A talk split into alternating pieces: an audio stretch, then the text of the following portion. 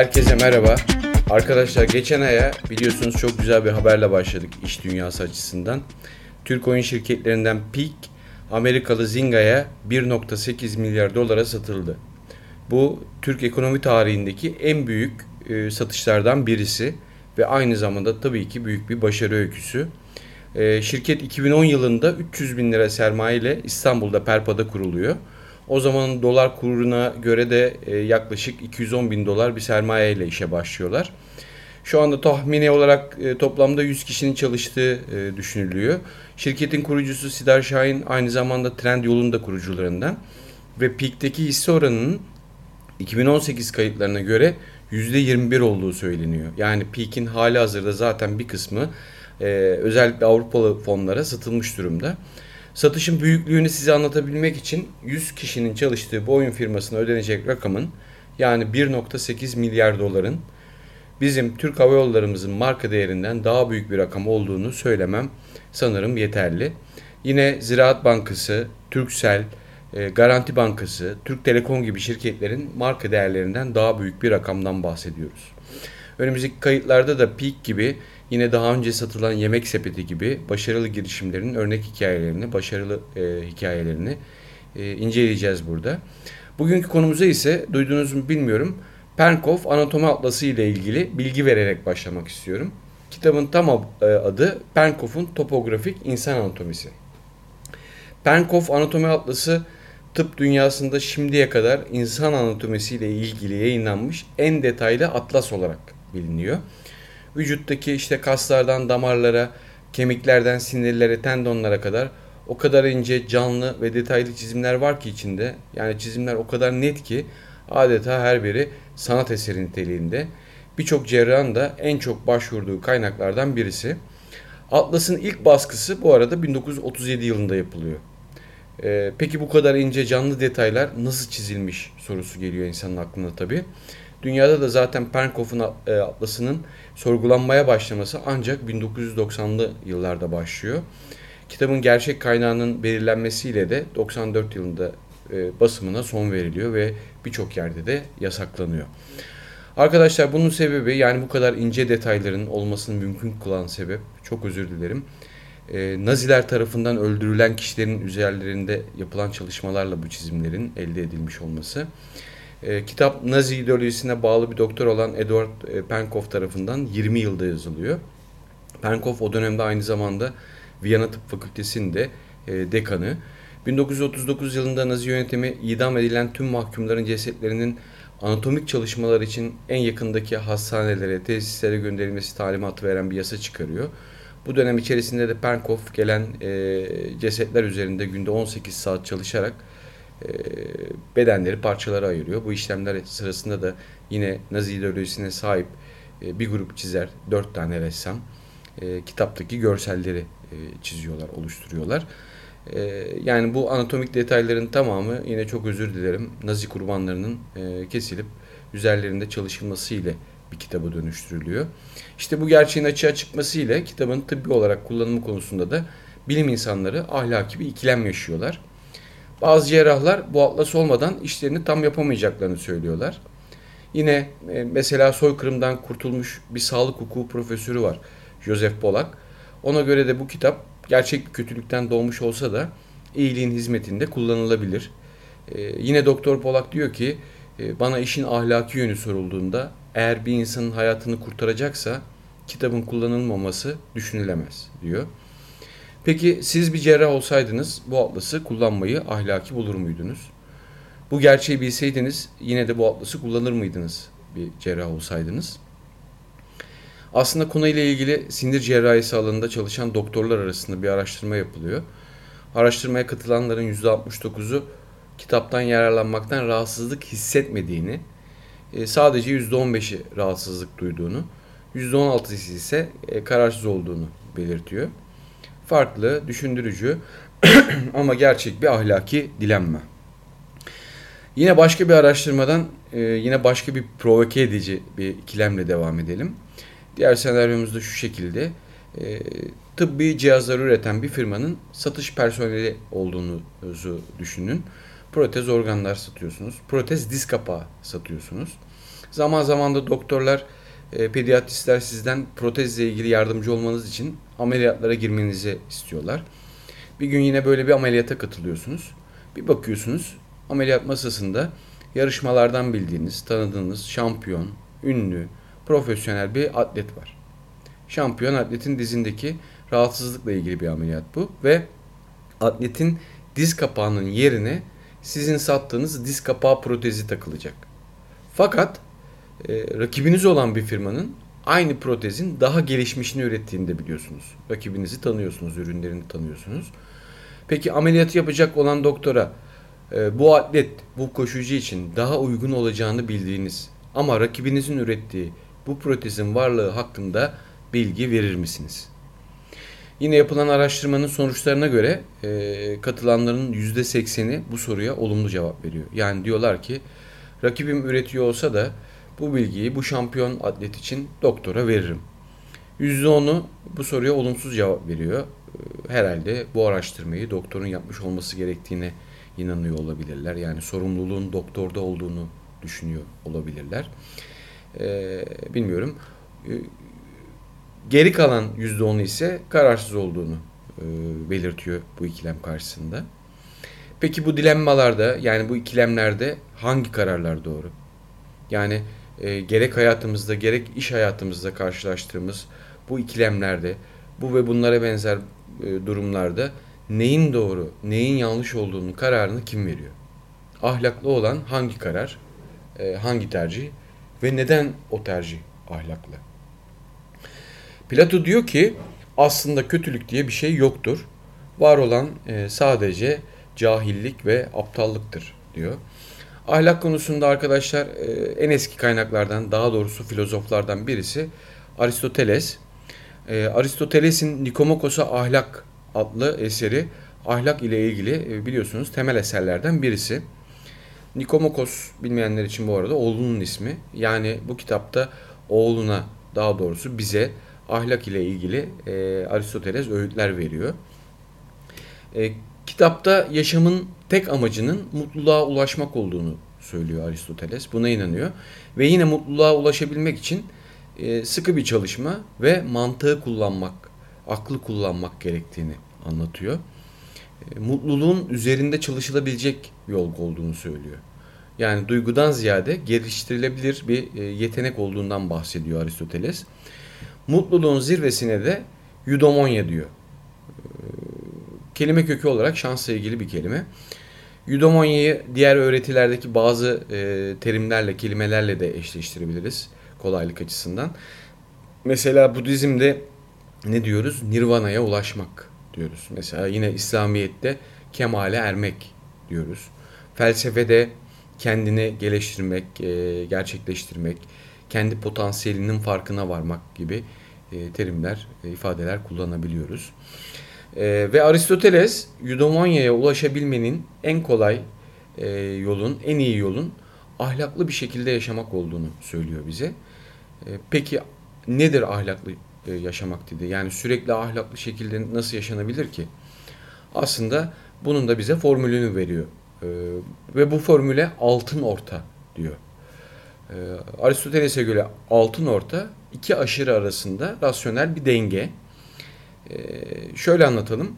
Basitçe Aristoteles erdemleri yani insanın sahip olabileceği erdemleri ikiye ayırıyor.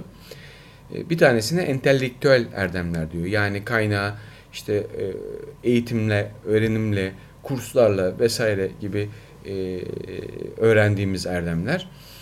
Karakter erdemleri, ikinci e, bölümü karakter erdemleri, kardinal erdemler veyahut da alışkanlıklarımız, davranışlarımız olan erdemler. Karakterimizle ilgili olan erdemler.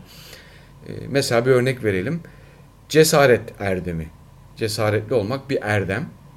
Ama Aristoteles'in altın orta formülüne göre cesaret korkaklığın ve atılganlığın e, ortası, altın ortası. Yine mesela cömertlik nedir? Bir erdemdir değil mi? E, önemli bir erdemdir. Yine altın orta formülüne göre cömertlik aslında cimriliğin ve savurganlığın e, rasyonel bir dengesi, tam ortası, altın ortası diyebiliriz. Aristoteles diyor ki insanlar çalışarak, e, pratik yaparak, karşılaştıkları olaylarda akıl yürüterek, hesaplamalar yaparak altın ortayı bulma konusunda uzmanlaşabilirler. Mesela biz de bir pratik yapalım e, cesaretle ilgili, cesurlukla ilgili. Cesur insan deyince aklınıza ne geliyor bilmiyorum ama az önce biz cesareti nasıl tanımladık? Korkaklığın ve atılganlığın ortası olarak, e, altın ortası olarak tanımladık. Şimdi düşünün ki bir gece sinemadan eve dönüyorsunuz ve ara sokaklardan birinde yaşlı bir kadının gasp edildiğini görüyorsunuz. Cesur bir insan olarak e, hemen oraya koşup olaya müdahale mi edersiniz? Aristoteles'in altın ortasına göre cesur sayılabilmeniz için, cesaretli insan sayılabilmeniz için burada yapmanız gereken önce olayın bir resmini çekmektir. Ee, yani eğer soyguncu silahlı, sizden daha iri, kuvvetli ise, bu net ise ve müdahale ederseniz hem sizi hem de soyulan o yaşlı teyzeyi daha da tehlikeye sokacaksınız. O zaman burada yapılması gereken polisten veya etraftaki bir gruptan e, yardım istemek. Erdemli insan e, aklını kullanabilen, doğru olanı görüp ona göre harekete geçen insanlar Aristoteles'e göre. Her zaman olaylar karşısında vicdanının yanında asıl aklını kullanarak analizler yapar. Ne zaman, nerede, nasıl hareket edeceğini de bilir. Evet, ahlak e, felsefenin temel disiplinlerinden birisi. E, toplumda davranış ve ilişkileri düzenlemek için oluşturulan değerler, normlar, standartlar, eylem kuralları zinciridir de diyebiliriz. E, ahlak aynı zamanda sosyoloji için bir olgu. E, yani sosyoloji yorum yapmaz, inceler ahlakı sadece ama hukukun da konularından, tıp biliminin, mühendisliklerin, tüm bilimlerin, e, politikanın, e, mesleklerin diyelim e, ve tabii ki yönetiminde bir konusu. Ahlak insanla ilgili, kültürle ilgili, çevreyle ilgili, hayatımızda da çok geniş bir alanı kapsıyor. Ee, yine Plato diyor ki ahlak kültürle ilişkilidir, kültürle akrabadır diyor. Ee, Aristoteles'in öğütlediği gibi işte sevgi ve nefrette direk olmak, dedikodu yapmamak, mütevazilik, dürüstlük, yolsuzluk yapmamak, ailene, çevrene, iş arkadaşlarına, müşterilerine karşı doğru olmak, verilen sözleri tutmak, adil olmak, e, verilen görevleri kötüye kullanmamak, yani her şeye ve herkese karşı saygılı ve sorumlu olmak. Tüm bunlar ahlakın e, değerleridir. E, biz de öyle diyoruz değil mi? Tüm bunlar ahlaklı insanın da e, erdemleridir diyoruz. Ama bakın bu erdemler hem genel ahlakın hem de aslında düşündüğümüzde iş ahlakının da erdemleri. Hatta hepsi öyle. Bu saydıklarım araştırdığınızda internette değişik kaynaklarda, değişik sayılarda bulacağınız ahlakın temel prensiplerinin e, hepsinin içinde yer alıyor. E, dediğimiz gibi bu erdemler hem genel ahlakın hem de iş ahlakının e, erdemleri, bizden beklentileri, ahlaklı bir insandan beklentileri. E, o zaman neden iş ahlakı diye ayrı bir başlık açıyoruz? Sadece ahlaktan bahsetmiyoruz. İki ahlak arasında ahlak, genel ahlak ve iş ahlakı arasında bir fark mı var? E, bu soruya açıkçası yanıt verebilmek için önce toplumdaki bazı ilişkiler arasında ahlakın olmaması durumunda neler olabileceğini düşünmemiz gerekiyor. Yani kısacası ahlak olmazsa e, ilişkilerde ne olur? E, ilk olarak iki birey arasında bir ilişkiyi düşünelim. İki birey arasında bir ilişkide ahlak olmadığı zaman ne olabilir? Ne olur? Biri diğerin hakkını gasp eder, e, diğerini taciz eder, hakaretler, ve nihayet tartışmalar, kavgalar. Belki de cinayete kadar gider bu kavga. E, ilişki ya mezarda ya mahkemede veya e, hapiste sonuçlanır. E, en yakın arkadaşınızla ilişkinizde ahlak olmazsa ilişkinizin nerelere gidebileceğini e, düşünebiliyor musunuz mesela? Ben e, düşünemiyorum. E, bir başka ilişki türü birey ile kurum arasında, bir kuruluş, bir şirket arasında ahlak olmaz ise ne olur? Ne olur? Yine biri diğerinin hakkını gasp eder. İşte yolsuzluklardan, rüşvet alıp vermekten bahsedebiliriz. Ama sonuçta yine kavga, işte bir taraf işini kaybedebilir. E, şirket tarafı muhtemelen müşterilerini bu yüzden kaybedebilir. Yine mahkemelerde, yine belki hapiste sonuçlanacak istenmeyen olaylar. Az önceki gibi e, mesela sizin ve şu an çalıştığınız firma arasında ahlak olmaması nelere sebep olur e, bir düşünün. Şimdi iki kuruluş, iki firma arasında ahlakın olmadığı bir ilişkiyi düşünelim. Ne olur? İşte bir şirket diğerinin mülkiyet haklarını ihlal eder. Taklit ürünlerden bahsedebiliriz. Teknoloji hırsızlıkları, işte ticari kavga ve ticari savaşlar. Nihayet sonunda şirketler için müşteri kaybı, pazar kaybı, çalışanlar için işsizlik, e, tabii ki yüklü miktarda cezalar, mahkemeler ve bir kısım için yine muhtemelen hapis cezaları olacaktır. Farklı bir ilişki. E, kurum ile iş yaptığı toplum arasındaki ilişkiden şimdi ahlakı çıkartalım. E, bu sefer ne olacak? Yine ticari yolsuzluklardan bahsedebiliriz. Kartellerden, vergi kaçakçılığından. Hatta çevre kirliliğinden bile bahsedebiliriz. Yani düşünün çevre kanunlarına uymayan, çevre kanunları konusunda ahlaksızlık yapan bir işletme e, bir takım sahtekarlıklarla çevre kirliliğine yol açacak faaliyetlerde bulunabilir. Buna en yakın örnek olarak ünlü bir e, otomotiv e, otomobil üreticisinin Amerika'da yakın zamanda araç emisyonları ile ilgili yaşadığı e, hikayeyi düşünebiliriz. Sonuç yine büyük cezalar, mahkemeler, işte işsizlik, pazar kayıpları ve yine bir kısım için, bir kısım insan için, çalışan için hapis cezalarından bahsedebiliyoruz. Bu ilişkiler, e, örnekler çoğaltılabilir. Yine mesela iki ülke arasındaki ilişkiden ahlakı çıkartırsak sonuç ne olabilir? Ambargolar, e, hatta savaş bile olabilir. Yani sonuçta tüm ilişkilerde ahlak olmadığı zaman, ahlakı çıkarttığınız zaman sonuç daima olumsuz. Ya kavgayla, ya mahkemeyle, e, büyük cezalarla veyahut da e, hatta de, diyebiliriz savaşla sonuçlanabiliyor. E, dolayısıyla hiçbir ahlaki kuruluş, hiçbir ahlaki şirket sonunda büyük cezalar, mahkeme, pazar kaybı, hapis gibi sonuçlanacak ilişkiler içerisinde olmayı istemez. E, ve bu sonuçları yaşamamak için de gereken tedbirleri alır, gerekenleri yapar. Dediğimiz gibi teorik olarak arkadaşlar hiçbir kurum, kuruluş aslında ahlak olmadan e, yaşayamaz, yaşamını sürdüremez. Toplumlarında bugün karşılaştığı birçok sosyal sorunun kaynağı işte ekonomik olarak sosyal, kültürel ve politik alanlarda yaşanan bu gelişmelerin, olayların e, ahlaki yönlerinin ihmal edilmiş olması değil midir sizce de? Yani bugün bunu e, özellikle e, ülkemizdeki siyasette, e, sosyal mecrada, sosyal mecralarda, Twitter'da vesaire çok açık bir şekilde e, görüyoruz, yaşıyoruz zaten. Öte yandan ahlak evrensel olsa da aynı zamanda birçok dinamikleri de var diyor, diyebiliyoruz. Yani ahlak e, aslında aynı zamanda çevreye, coğrafyaya, e, dine, özellikle kültüre çok bağlıdır. Ve bunlara göre de farklılaşabilir. Hatta cinsiyete göre bile farklılaşabilir öyle değil mi? Erkekler ve kadınlar arasında e, ahlaki değerler kendi içlerinde farklılıklar gösterebilir. E, erkek ve kadın karşılaştıkları bazı ikilemlere farklı tepkiler verebilirler.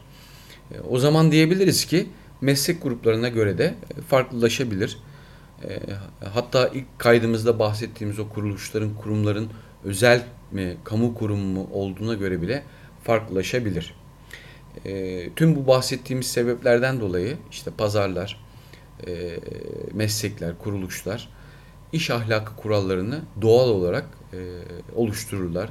Davranış kurallarını, iş ahlakı kurallarını yazarlar kendileri. Her kurumsal e, ahlaki yönetimlerin günümüzde artık kendi yazdığı tüm bu ahlak kuralları ve kanunlar ile uyumlu davranış kuralları kitapçıkları var değil mi? Code of Conduct diyoruz. E, kurumsal şirketlerde özellikle çok sık karşımıza çıkıyor. Ahlakın kendisi kuruluşların artık bunu yapmasını istiyor zaten. E, bir organizasyon bulunduğu pazarın meslek grubunun içerisinde açıkça ahlaki kurallarını, kendi ahlaki kurallarını koyuyor, yazıyor. Bir tür kurum anayasası, kurum kanunları, kurum hukukunu oluşturuyorlar. E, zaten bu kurallar çoğu zaman da hem ahlaken hem de hukuken bağlayıcı kurallar. Mesela vergi vermemek, değil mi? İşte zimmete para geçirilmesi gibi. Yani bunlar hem ahlaksızlık olarak tanımlanıyor hem de hukuksuzluk olarak nitelendiriliyor ve hem hukuk hem de toplum hem de kuruluş e, böyle bir ahlaksızlık yapan kurumu veyahut da kişiyi e, cezalandırıyor. Aslında ahlak, e, her türlü ahlak, işte dinin gösterdiği, kültürün gösterdiği, mesleğin veya o iş grubunun gösterdiği, o kuruluşun gösterdiği ahlak kuralları ve hukuk kuralları hepsi toplumda ayrılmaz bir bütündür. Yani bir zincir gibidirler. Birbirlerini destekleyen, kesinlikle çatışmayan, çatışmaması gereken kurallar zinciridir. Böylece sonuçlara ulaşmakta e, kolaylık sağlanır. Örneğin iş ahlakının doğru dediğini hukuk yasaklarsa veya hukukun zorunlu tuttuğunu ahlak yadırgarsa kuralı çalıştırmak neredeyse imkansız hale gelir. E, bu yüzden kuruluşlar, yönetimler kod of kondaklarını yani kendi şirketlerinin, kuruluşlarının e, veyahut da meslek grubunun iş ahlakı kurallarını oluştururlar ve oluştururken de iki ana başlıkta bu kuralları toplarlar. İki ana başlık altında bu kuralları yazarlar, organize ederler. E, bu ana başlıklardan birincisi çalışanlara tanınan e, takdir yetkisidir. Çalışanlara verilen takdir yetkisidir. İkincisi de biraz önce e, bahsettiğimiz e, iş ortamında özellikle karşılaştığımız ahlaki ikilemlerdir. Çalışanlara takdir e, yetkisi derken kastettiğimiz basitçe çalışanın işin yapılması esnasında, işin yürütülmesi esnasında yöneticisine danışmadan kendi iradesiyle alabileceği kararlardır diyebiliriz. Takdir yetkisindeki bazı kararlar bu kapsamdaki bazı kararlar az sayıda kişiyi ilgilendirdiği veya etkileri az olduğu sürece e, organizasyondaki tüm çalışanlar herhangi bir çalışan tarafından verilebilir. E, bazı kararlar da daha geniş kitleleri ilgilendirir. Bu yüzden burada takdir yetkisi daha üst yöneticiler tarafından kullanılır. Uygulamaları gerçekleştirirken önceliklendirme mesela, konulan hedeflere ulaşmayı sağlayacak uygun araçları bulma, ve işlerin zamanlamasını yapma gibi konular daha çok orta kademedeki yöneticiler tarafından e, kararlaştırılır. Onların takdir yetkisine bırakılır. Yani kolayca anlaşılabileceği gibi basit ve e, görece olarak basit ve rutin işlere göre uzmanlık gerektiren işlerde takdir yetkisinin daha çok kullanılması söz konusu. E, tüm çalışanların e, tüm iş ve işlemlerini, iş görevlerini ayrıntılı tanım, tanımlamak, ee, ve buna aykırı davranışları hukuki veya ahlaki yaptırıma bağlamak çok zor ve maliyetli bir iş. Yani tek tek herkesin e, hangi konuda nasıl karar vermesi gerektiğini ayrıntıya dökmek, yazıya dökmek neredeyse imkansız zaten. Ve aynı zamanda da dediğimiz gibi çok maliyetli bir iş. Ee, öte yandan takdir yetkisinin kullanımından beklenen yarar arttıkça çalışanların tercih, tutum ve davranışlarını işin amacına en uygun biçimde yönlendirecek ve en etkili sonuçların alınmasını sağlayacak iş ahlakı kurallarına olan ihtiyaç da aslında o derece önemli hale geliyor. Ee, yani bir çalışanın takdir yetkisi ne kadar genişliyorsa aslında iş ahlakının özgün, özgün alanı yani o insana bağımlı, o insanın ahlakına bağımlı alanı da o kadar genişliyor. Ee, o zaman ne olacak? İşte iş ahlakı kurallarını koyarken takdir yetkisi ve bu yetkinin kullanımı esnasında karşılaşılacak genel ve ortak sorunlar, bu sorunlara getirilecek çözümler, bu sorunlar karşısında alınması gereken kararlar, yaptırımlar e, yine genellemeler yapılarak e, tanımlanmalı. Tüm organizasyonu e, ilgilendirecek ortak terimler, ortak kurallar tanımlanırken işin o özgün kısmı ile ilgili kararlar yine de e, ne yapılıyor? İşin e, o kişinin özgün ahlakına aslında bırakılıyor. E, yani bir anda tanımlamaları yapıyoruz yönetim olarak. E, iş ahlakıyla ilgili kuralları koyuyoruz. Kararları, yaptırımları belirliyoruz. Ama öte yandan e, işin özgün kısmı ile ilgili kararları da o kişinin ahlakına e, bırakıyoruz, bırakmak zorundayız. E, bir anlamda diyebiliriz ki takdir yetkisi aslında iki taraf e, için keskin bir kılıç e, üzerinde yürünen. E, yani yönetimler çalışanlarına bu nedenle takdir yetkisini verirken öncelikle iş ahlakı kurallarını net olarak ortaya koymak, tanımlarını yapmak zorundadırlar. bu kurallar, kararlar ve tanımlarla ilgili çalışanlarına rehberlik etmek, gerekli bilgilendirmeleri yapmak, gerekli eğitimleri vermek zorundadırlar. Takdir yetkisinin iş ahlakına ters bir şekilde kullanılması durumunda ortaya çıkacak sonuçları da anlatmak, bu durumlarda şirketin, yönetimin ne kadar tavizsiz olduklarını da anlatmak zorundadırlar.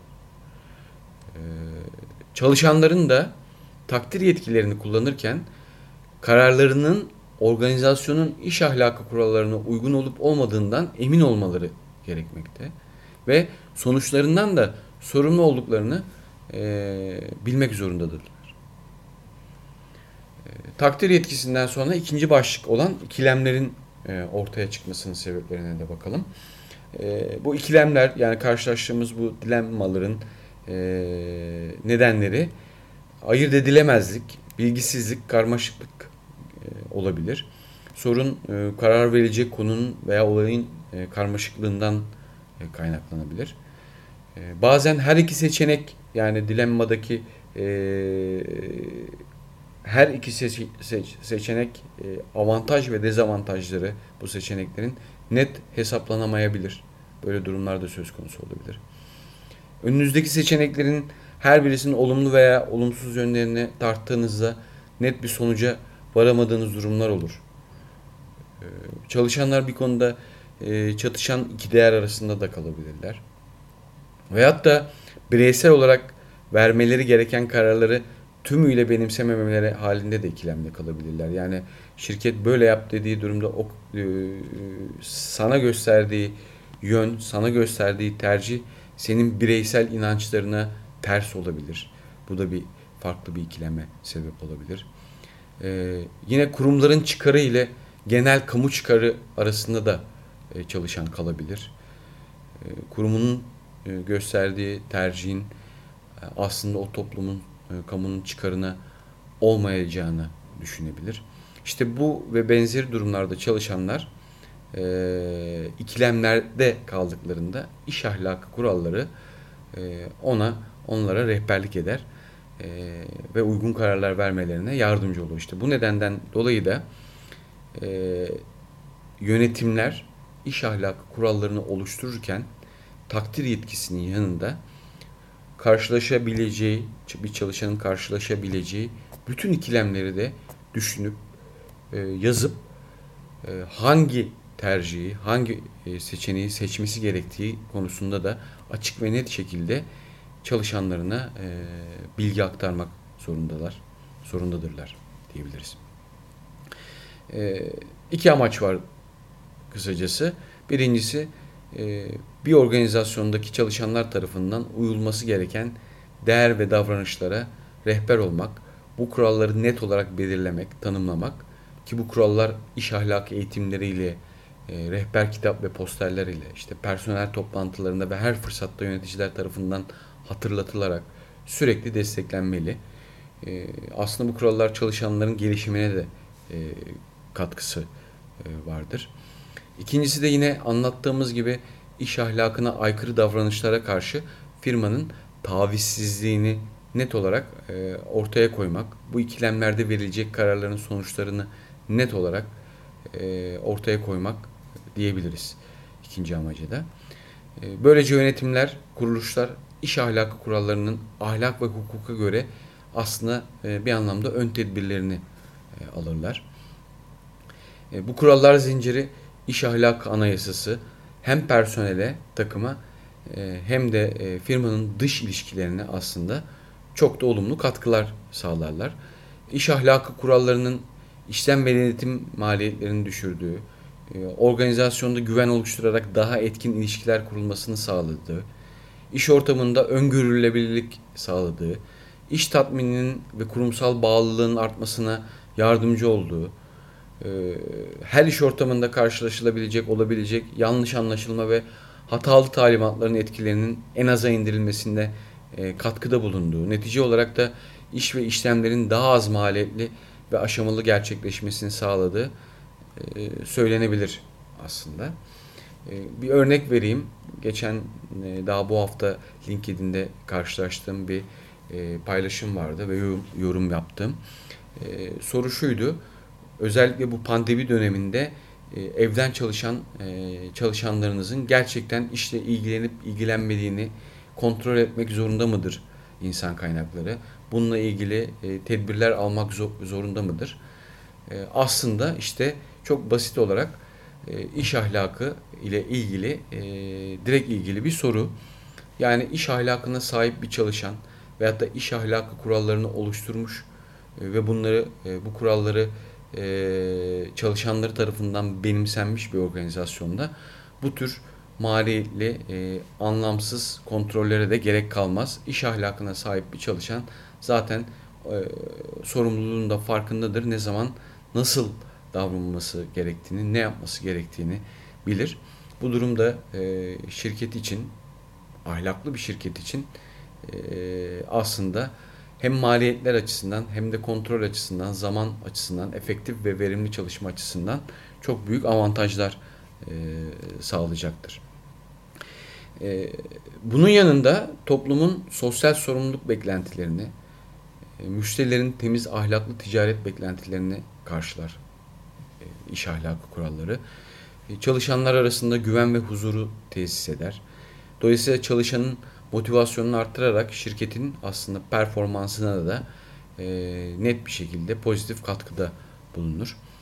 Özellikle yönetim ve tüm yöneticilerin hem özel olarak e, kurumun ahlaki kurallarını hem de kurumun bulunduğu pazardaki iş ahlakı kurallarını hem de yerel ve evrensel ahlak kurallarını benimsemeleri ve işlerin bu özel ahlak kuralları sınırlarında e, yürütülmesini sağlamaları e, dolayısıyla şarttır diyoruz.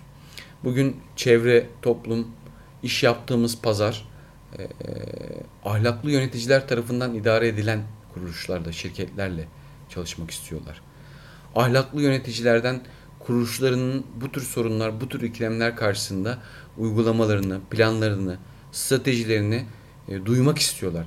E, bunları açıklamalarını bekliyorlar.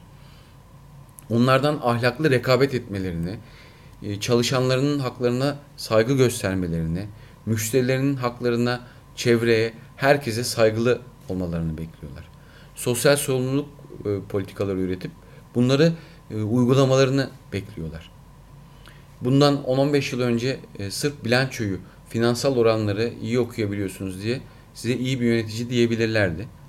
Ancak günümüzde artık ahlaklı bir liderden e, beklentilerden birisi Mesela özellikle iklim değişikliğini, e, çevre bilincini, sürdürülebilirliği ajandalarına alması. Hatta stratejilerine e, eklemeleri. Evet artık toplum bunu e, e, ahlaklı bir yöneticiden bunu bekliyor. E, yani e, aslında bir anlamda diyebiliriz ki yöneticilerin ve yönetimlerin performanstan önceki sorumluluğu da aslında kuruluşun, şirketin hem iç hem de dış ilişkilerinde iş ahlakını tesis, e, tesis etmeleri ve sosyal sorumluluklarını e, yönetmeleri. Çünkü bir kuruluşun sağlıklı performansı, sürdürülebilirliği ancak ve ancak ahlak kuralları çerçevesinde e, olabiliyor. Bireysel olarak ise e, başta da e, konuştuk. Aristoteles'in dediği gibi hayatta gerçek mutluluğa, huzura ulaşmak için aslında gerçekten sadece ahlaklı yaşamımız e, bunun için çaba göstermemiz yeterli. Zaten baktığınızda da e, iş hayatınızda, tüm ilişkilerimizde erdemli insanlar hemen e, fark ediliyor, saygı görüyor, seviliyor, öne çıkıyorlar. Bir olay, e, bir ikilem, dilemma karşısında da karar verdiğinizde, harekete geçtiğinizde içten olarak doğru yaptığınıza inanıyorsanız aslında yeterli. Yani kendinize şu soruyu sorun. Doğru olduğumu nereden biliyorum? Çünkü böyle yapmam Code of Conduct'ta iş kurallarında yazıyor şirketimin iş kurallarında. Çünkü e, böyle yapmam toplum tarafından da e, hoş karşılanıyor. Çünkü yaptığım kanunen de kabul edilebilir. Gerçekten e, geçerli bir cevabı var mı aldığınız aksiyonun? Yaptığınızın doğru olduğunu kabul görmüş, kabul edilmiş verilere dayandırabiliyorsanız aslında sorun da yoktur. Ve yine aslında son yüzyılın filozoflarından birisi Emmanuel e, Kant. Onun dediği gibi doğru olanı yapın çünkü doğru olan budur.